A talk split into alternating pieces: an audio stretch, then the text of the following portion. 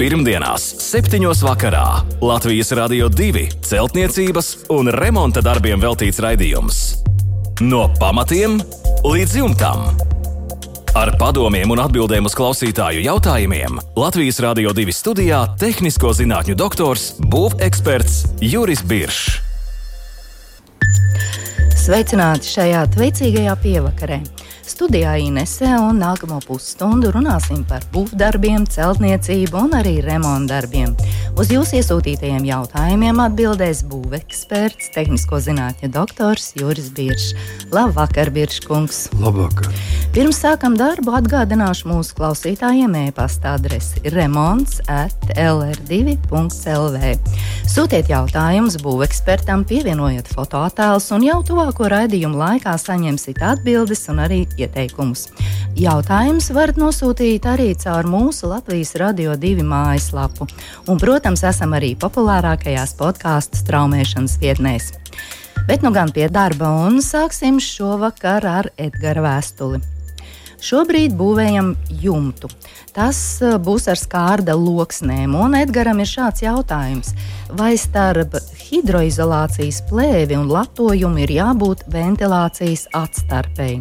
Vai iespējams būvēt bez atstarpes, virs plēves uzreiz likt latojumu? Tā būs plēve difūzijas membrāna 100 gramu uz kvadrātmetru. Šāds ir Edgars jautājums. Kā ir Biržkungs? Drīkst, Jā. nedrīkst, var, nevar?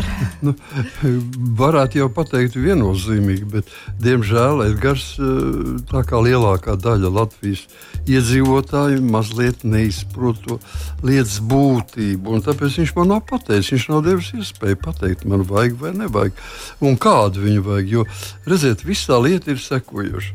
Es nezinu, cik daudzi nu, piekritīs man, bet nu, tā rāda reālā dzīve.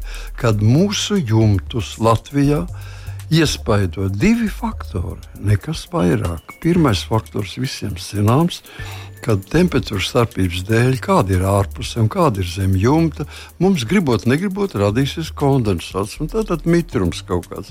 Un šis mitrums ir jāveidina, tas visiem ir skaidrs. Un ar to parasti nekādas problēmas nav. Nu, ir, bet mazāk ir.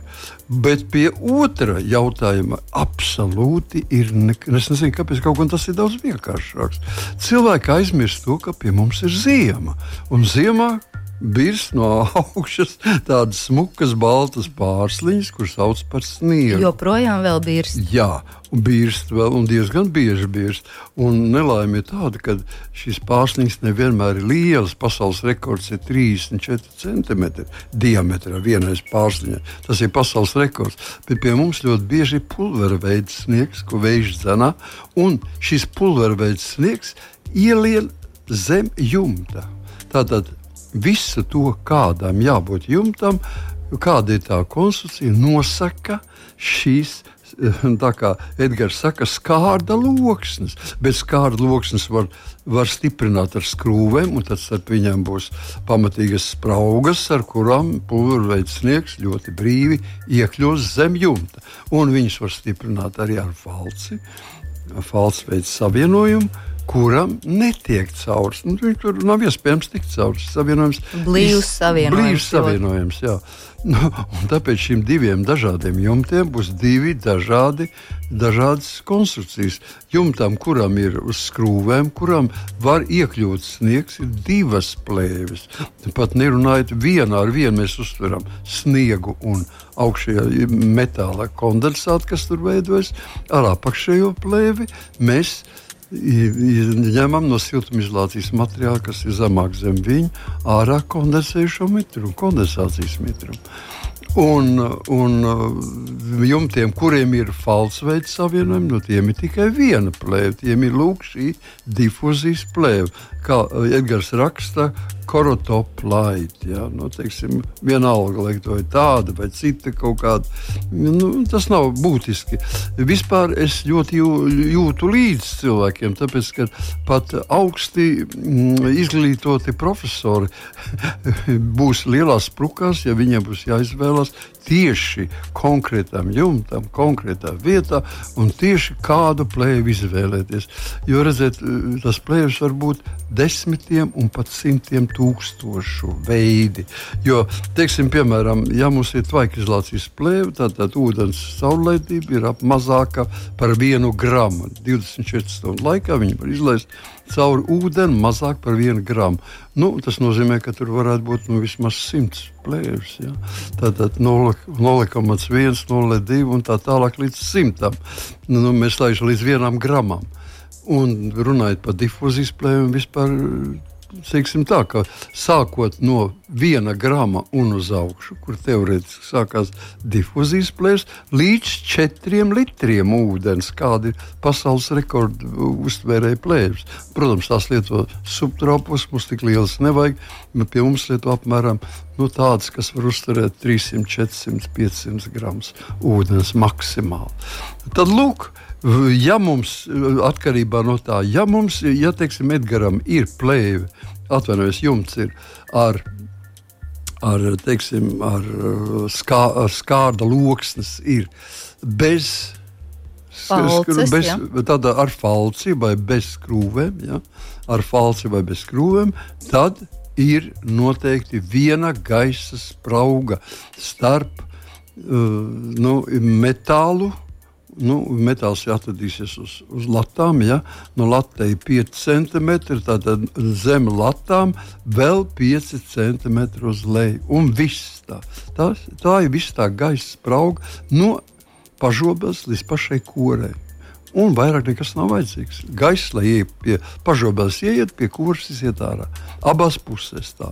Ja ir jumts no skārdu loksnēm ar skrūvēm, nu, tad ir mazliet savādāk. Ja šeit uz spārēm mēs klājam jau šo pirmo plēvi, kuru sauc par tvaikizolācijas plēvi ar antikondensāta pamatni, augšā gluds, apakšā mazi matiņi, kas uztver šo kondensāta mitrumu, un to piespiež ar puslatu.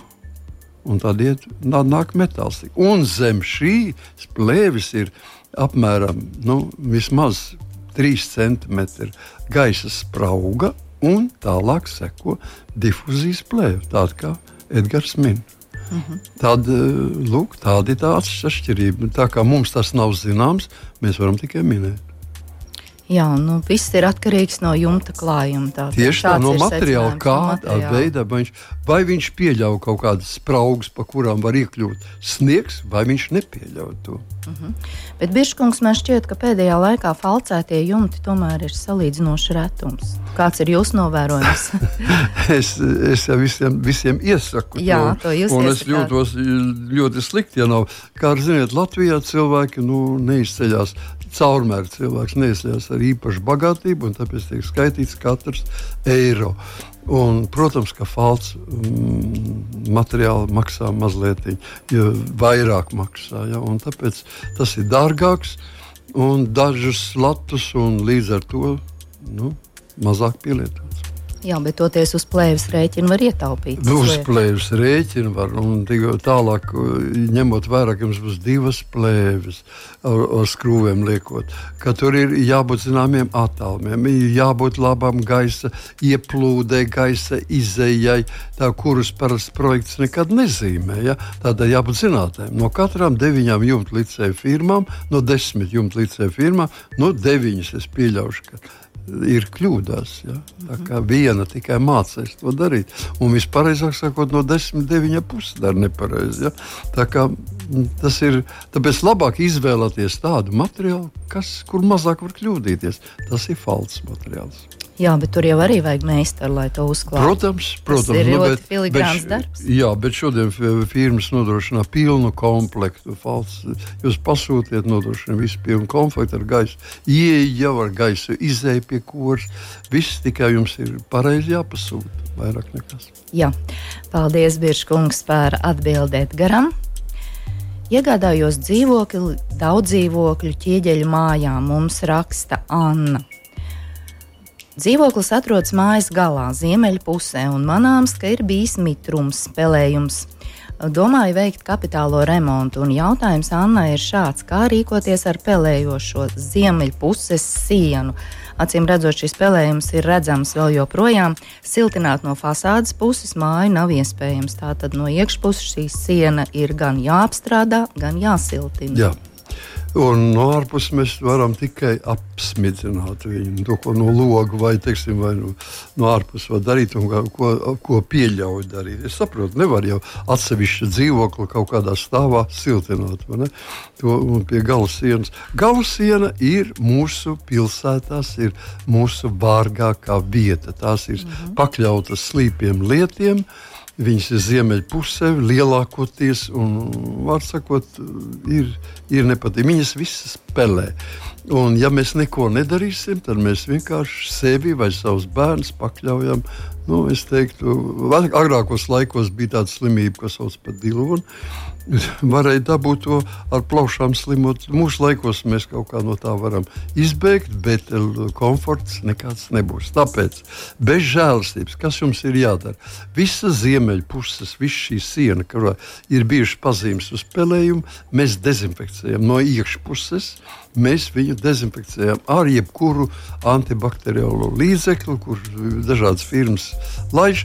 Tādā tāda, kas nesmird, kas eh, var iekšā ātri var veidināties, mēs droši no ar, ar, ar apmēram apjomu, nu, teiksim, litrs uz četriem kvadrātmetriem. Mm, bet pirms tam šis spēlējums droši vien arī nē, ir jānoņem. Nē, nē, nē, nē, nē. tur notiek? nekas nav jādara iekšā. Ja mēs lietosim ļoti efektīvus antibakteriālus šos līdzekļus, kas ir balinātāji, nu, kur, kur ir šausmīgas smakas, ir, tie pat noēdīs un būs plika balta siena paliks. Bet ja mēs tos nelietojam, lietojam kaut ko mierīgāku, bet tas tāpat nobeidz šo pelējumu, tad viņš arī būs beigts. Lai viņš tur paliek, viņš ir beigts jau. Tad, kad viņš ir beigts, mēs uz šīs sienas klājam virsmu, līmējam, ar skrūvējam, vai ar, teiksim, ar, ja ir koks apakšā, tad ar skavotāju, jebkurā veidā cieši klāt dabūnam mīkstās kokšķiedru plātnes. Vēlreiz nosauc mīkstas kokšķiedru plātnes. Ja? Viņas ir jāmeklē atsevišķi būvmateriālu veikalos, viņas kā tādas nepārdod. Atsevišķi pārdotās, kurās viņas tiek pārdotas. Ražo gan Vācijā, gan Polijā, gan tagad arī nedaudz varbūt, Latvijā, Lietuvā, nu, Igaunijā. Ļoti, ļoti, daudz, ļoti populārs. 2,5 cm biezas divās kārtās. Pirmo kārtu stiprinām, otro ar skavotāju pie tās klāt. Nu, teiksim, 90 grādos pagriežot, lai nebūtu šuvis nekādas. Kad tas ir izdarīts, uz viņām piešuvojam džutas audumu sietiņu un apmetam ar milimetru vai divu milimetru dekoratīvu māla vai kaļķu, tīru kaļķu vai tīru māla apmetam. Viss Vairāk nekas nav jādara. Jums ir, jums ir to vispār, ja jūs varat izdarīt paši, to dekoratīvo uzmetumu, to jūs varat atstāt meistaram, lai viņš skaisti uzvelk. Ja tas nav pieņemams, Tad vienkārši spaktelējam vietas, kur varētu būt kaut kādas iedobītas vai kaut kas uh, savienojies, bārkstis parādījušies vai līdzīgi, un tad līmējam virsū tāpēc. Mm -hmm. Un šīs plāksnes ir pietiekami cietas. Nu, nav, šīs, nav tā, ka varētu viņas ir ar nu, elkoni. Nē, nē, nē nu, viņas, ir, viņas ir cietas. Viņām var, viņas var likt uz grīdas. Var oh, likt, un, jā, un staigāt pa viņām. Protams, virspusē jāuzliek kaut kas, kaut kas, lai, Mīkstāks. kaut kas cietāks un tāds, ka pēc šīs elastīgāks. Jā, jā, jā. A, viņām var izšūt griestus. Nu, var sakot, praktiski tas ir ideāls materiāls kas ir domāts siltināšanai no iekšpuses. Ja jūs tā izdarīsiet, jums pazudīs jebkāda pelējuma, siena būs silta, uzlabosies simtprocentīgi, uzlabosies jūsu komforts. Un mikroklimats dzīvoklī. Tieši tā. Jā, paldies par atbildi Annai, lai viss izdodas. Savukārt Irēnai ir jautājums par privātmājas siltināšanu. Divstāvu koka stāvbūve apšūta ar ķieģeļiem. Kādas ir jūsu domas par šādu mājas siltināšanu, iepūšot siltināmo materiālu starp ķieģeļiem un koka stāvbūvi? Um, precīzi Irēna nezina šī siltināmā materiāla nosaukumu, bet vai ir pareizi aizpildīt šo gaisa spraugu? Šāds ir pirmais jautājums. Kāpēc tad būtu jāizpilda? Un vai šis siltinājuma materiāls ar laiku nenosēdīsies? Nu, būs tāds kā no efekta defekts. Jā. Par to ir bažas. Jā, nu, kā vienmēr mēs uztraucamies par, par, nu, par pašu nesvarīgāko, mēs tā varētu teikt, jo tas svarīgais tā pazūd ap tekstu. Eh, lietas būtība ir ļoti vienkārša. Dzīvojam Latvijā. Tieši tāpēc tas tā ir. Ja mēs dzīvotu Grieķijā, Itālijā, tad šādas problēmas mums nekad nebūtu. Ja? Un jo vairāk būtu caurumi, tukšumi un šķirbas sienās, jo mums būtu labāk pašsajūta. Latvijā tā nav. Un tāpēc es neskaidrošu ilgi, kāpēc mums tieši ir noslēgtā telpā Latvijā. Telpā, kura atrodas starp āru un iekšu, tāda ir ārsiena. Ja? Ārsiena mums atdala no ārā un ir iekšā.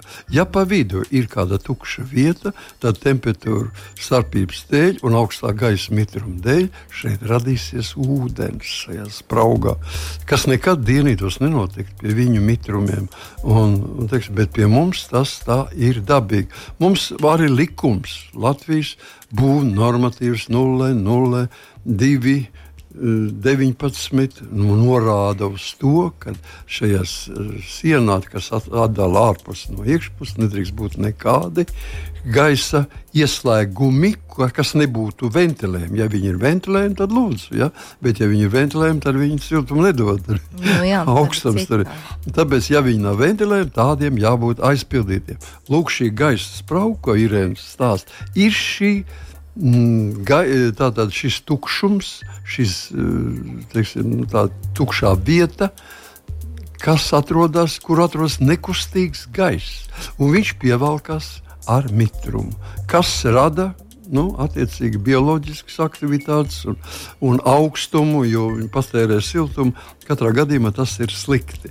Tāpēc piepūst šīs tukšumus, tā ir obligāta svēta lieta. Un materiāli ir dažādi. Materiāli ir dažādi. Visu lielākoties mēs, mēs skatāmies uz to, kāds ir attālums šim spraugam. Ja sprauga ir līdz vienam centimetram, es pieļauju, ka varētu lietot, nu, tur nezinu, vai īstenībā vai vispār vajag lietot. Tas viens centimetrs nav nekāda, nekāda liela nelaime, bet mēs varētu teikt, ka tur varētu lietot arī putu materiāli. Ja? Putu materiāli varētu lietot.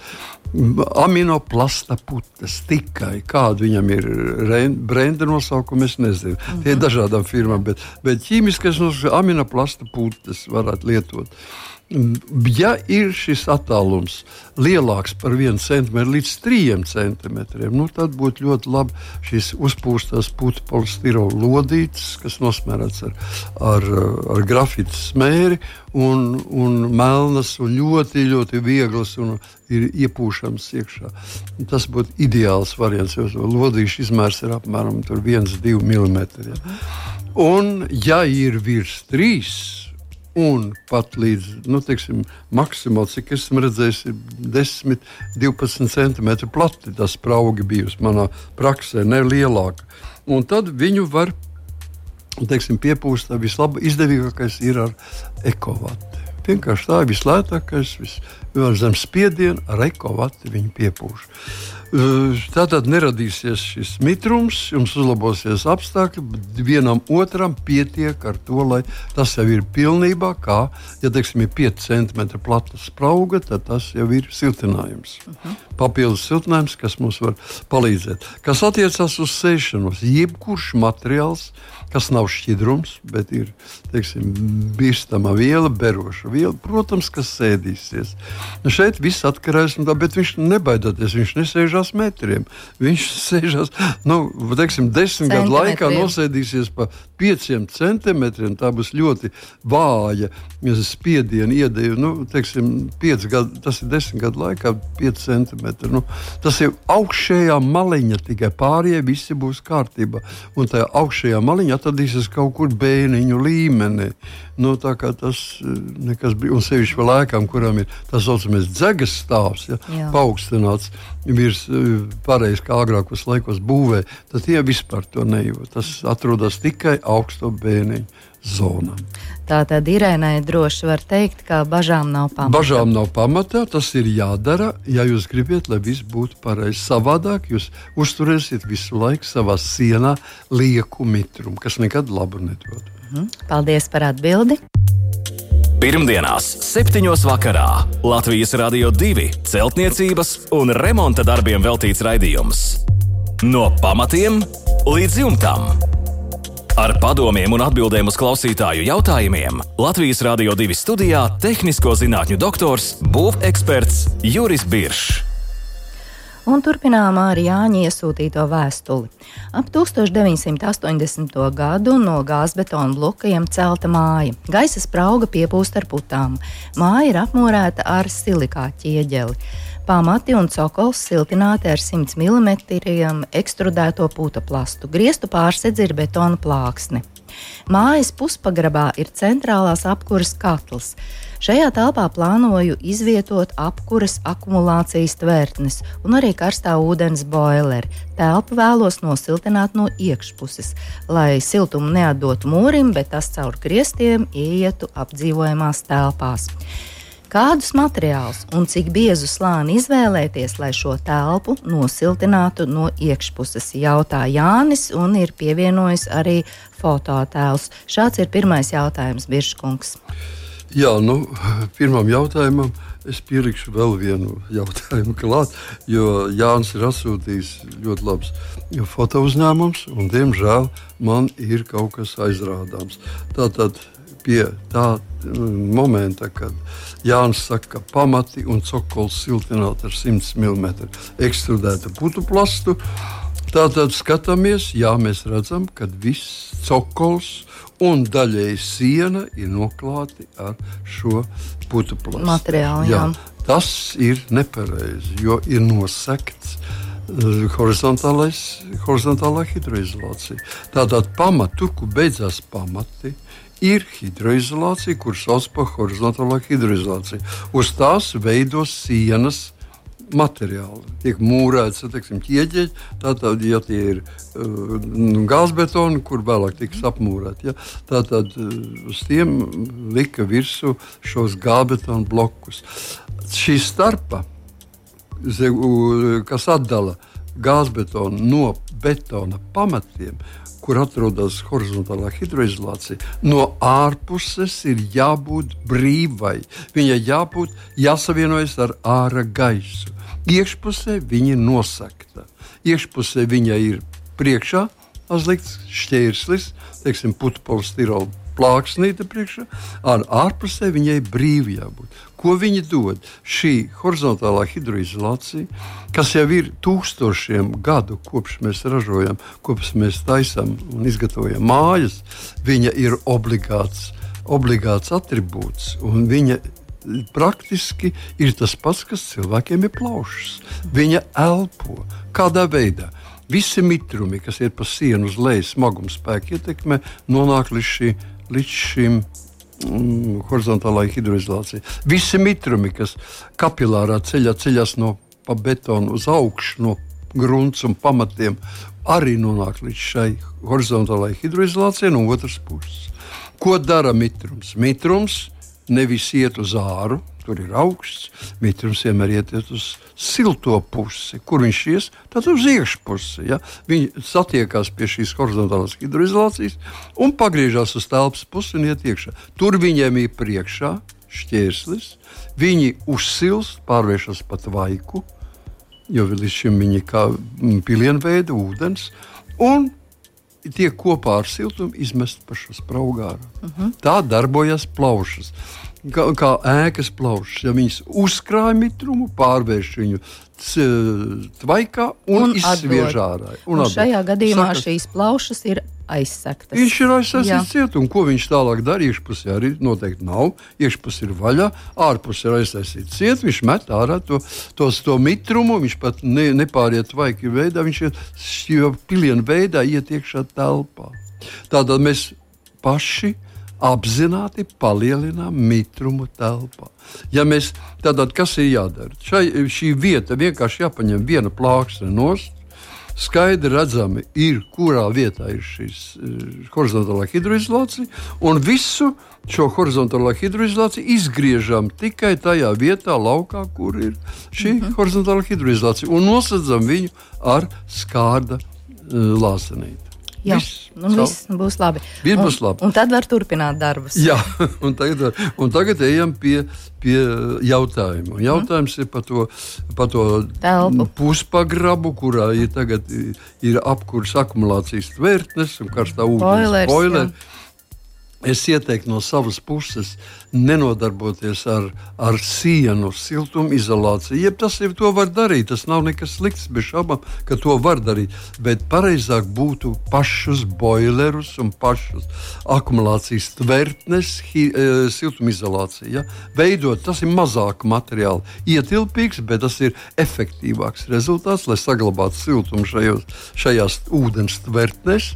Tātad mēs viņus no ārpuses vēlreiz ar, ar siltumizolācijas materiālu siltinām. Jo, redziet, tajā telpā likt dārgus siltumizolācijas materiālus negribētos. Tur nav cilvēkam, ko uzturēties. Tur varētu likt putu polistirolu un putu poliuretānu, bet tie visi ir uguns neizturīgi materiāli. Kas atkal šajā telpā ir paaugstināta uguns nedrošība. Tā kā šeit ir jādomā, es teiktu, ka labāk būtu siltināt un no ārpuses pēc tam vēl viņu krāsot vai nosegt ar kādu mm, segu materiālu šo, šīs tvērtnes, lai viņas atdod šo ūdeni. Kas attiecas, jā, man liekas, ka tas ir. Jā. Jā, ja mēs tomēr gribam tā, tos sienas, nu, es jau izvēlētos mīksto kokšķi ar plāksni.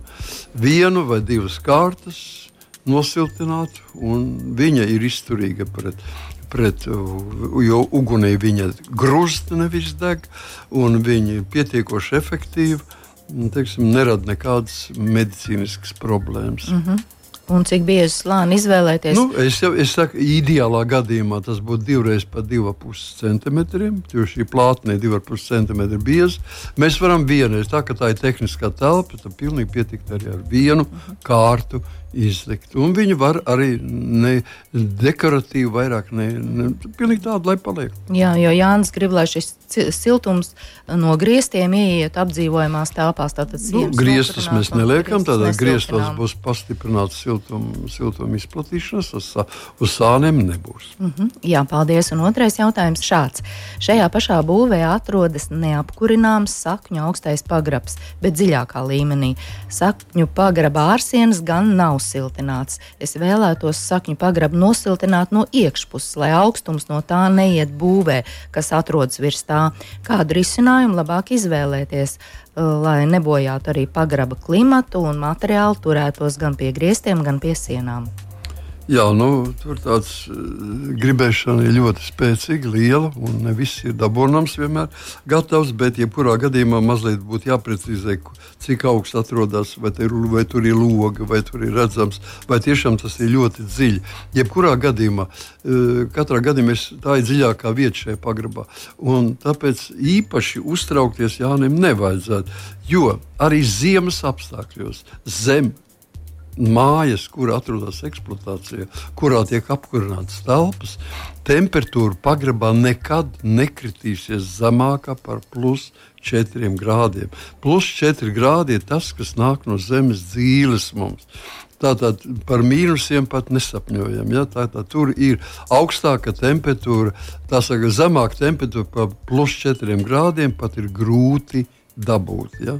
Tā kā ja mēs gribam tomēr no tiem plus 4 grādiem pasargāt sevi, tad uh, siltinām griestus. Ja, tas atkal ir no iekšpuses. Šajā pagrabā griestus izliekam ar siltumizolācijas materiālu. Teiksim, putekļi stiroli 5 cm biezumā. Un viss. Mm -hmm. Jā, paldies par atbildi Jānim. Vēl mums ir jāpaspēj atbildēt uz Normundu jautājumu. Uh, Normundam ir tāda nepatīkama problēma. Dzeramā ūdens akā ir nokļuvis piesārņojums, un šis piesārņojums ir motoreļļa. Kāds būtu efektīvākais paņēmiens, lai aku varētu attīrīt no eļļas un ūdeni arī padarīt par atkal lietojamu uzturā?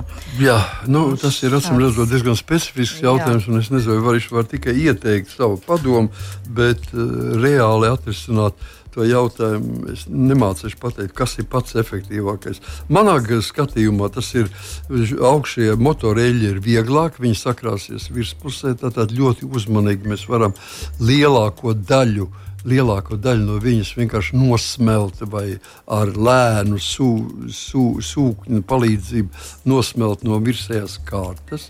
Pēc tam es ieteiktu griezties vai nu specializētos būvmateriālu veikalos un pa, pasūtīt, vai, ja tūmā atrodas kādas ostas vai laivu piestātnes lielākas, tad, tad varētu griezties pie viņu tehniskiem darbiniekiem, lai jums iedod šo pulverīti, ko, ko klāj virsū uz ūdens, kad ir, ir naftas piesārņojums. Un viņš vienkārši šis pulverīts pie, uzsūc visu naftu un nogrimst zemē. Ja? Jā, tāda speciāla ķīmiska viela. Jā, tas, tas nozīmē, ka mēs varētu vienkārši ar divām, trim reizēm nogremdēt visu šo sasaistīto uh, motoru eļļu, un pēc tam varbūt tās vasarā tas var vienkārši ņemt un af, to aku iztīrīt. Ja? Uh mhm. -huh. Un ar visu ar to arī beigtos. Jā, paldies par ieteikumu Normundam. Līdz ar to arī šovakar mūsu raidījums ir izskanējis. Vēlreiz atgādināšu mūsu e-pasta adresi remonds at lr2.lv. Sūtiet jautājumus, pievienojiet fototēlus. Arī caur mūsu Latvijas Radio 2 mājaslapu varat iesūtīt savus jautājumus būvekspertam. Šovakar Birškungs, liels paldies par darbu, lai visiem mums mierīgs vakars un tiekamies pēc nedēļas. Visu labu! Pirmdienās, 7. vakarā Latvijas Rādio 2 celtniecības un remonta darbiem veltīts raidījums. No pamatiem līdz jumtam. Ar padomiem un atbildēm uz klausītāju jautājumiem Latvijas Rādio 2 studijā - tehnisko zinātņu doktors, būveksperts Juris Biršs.